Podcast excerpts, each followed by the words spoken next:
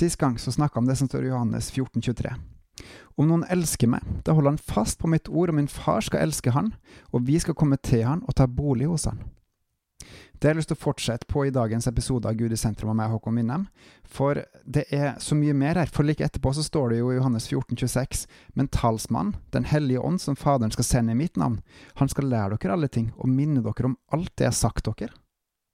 Hva er dette med Den hellige ånd? Eh, hva er livet med Den hellige ånd? Det finnes veldig mye i både Gamle og Nytestamentet som står om det her, men jeg har da bare tenkt å eh, legge fokus på noen av de tingene som står i Nytestamentet. Livet med Den hellige ånd. Hva er det for noe? I 2. Timoteus 3, 16-17 så står det litt mer utfyllende. Der står det hele Skrifta er innånd av Gud og nyttig til lærdom, til overbevisning, til rettledning, til opptuktelse i rettferdighet, for at Guds menneske skal, kan være fullkomment, satt i stand til all god gjerning. Legg merke til at skriften her for Paulus er da Gamle testamentet. Så hele Skrifta, den er innånda av Gud, innånda, Ånden, Den hellige ånd, eh, har rett og slett åpenbart for forfatterne hva de skal skrive om, og hva de skal skrive.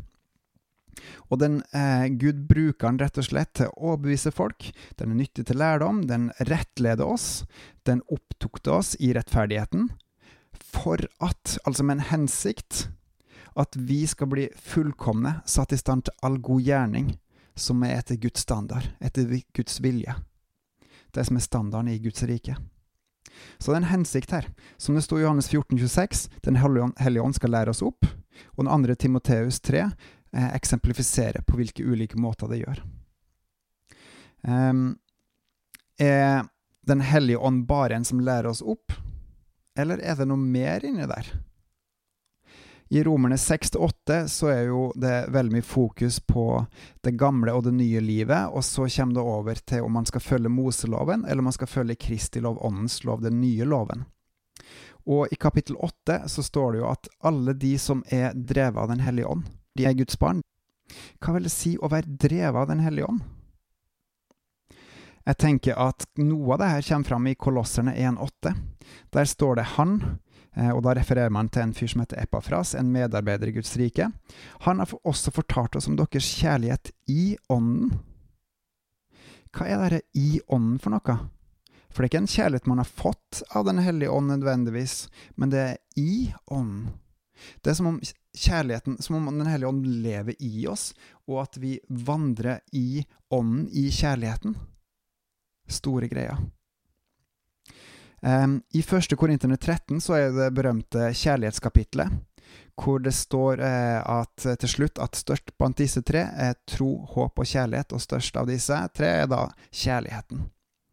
Og Det som er litt interessant å se på, er at eh, kapittelet i forkant handler om nådegaver, en, eh, ni ulike nådegaver, og kapittel 14 handler om hvordan menigheten skal håndtere nådegavene i, eh, i menighetslivet. Og så er det midterste kapitlet. Det dreier seg om kjærligheten. Og hva er det som er mest sentrale med Gud? Det er rett og slett kjærligheten. Kjærligheten til oss og kjærligheten til sitt folk. At han valgte å ofre det mest dyrebare han hadde, sin egen sønn, for at vi skal få lov å kjenne han, for at vi skal få lov til å ta del i hans kjærlighet. Helt gratis, eh, bare ved å tro men en kjærligheten, og ikke kjærligheten til medmennesker og kjærligheten til andre gode ting eller til nådegavene, men kjærligheten, Guds kjærlighet, det med å gi av seg sjøl. Rett og slett kjærligheten fra Gud. Et annet bibelvers som kan være greit å nevne, er 2. Timoteus 1,7. Eh, for Gud ga oss ikke feighetens ånd, men krafts og kjærlighets og sindighets ånd. Nå vet jeg at det er ulikt om folk bruker å skrive om det er ens egen menneskets ånd, eller om det er en hellig ånd. Men ut ifra sammenhengen så virker det virkelig som at dette er Guds ånd, fordi at eh, vi alle mennesker har jo samme ånd, og vi har jo en begrensa kraft, og vi har en begrensa kjærlighet, og en eh, sindighetsånd. En eh, sjøldisiplinånd. Men her er det rett og slett en krafts- og kjærlighets- og sjøldisiplinsånd. Og da må det være snakk om Den hellige ånd, er ikke det? Gud som gir sin kraft, sin kjærlighet og sin sjøldisiplin. Så ønsker du å vokse?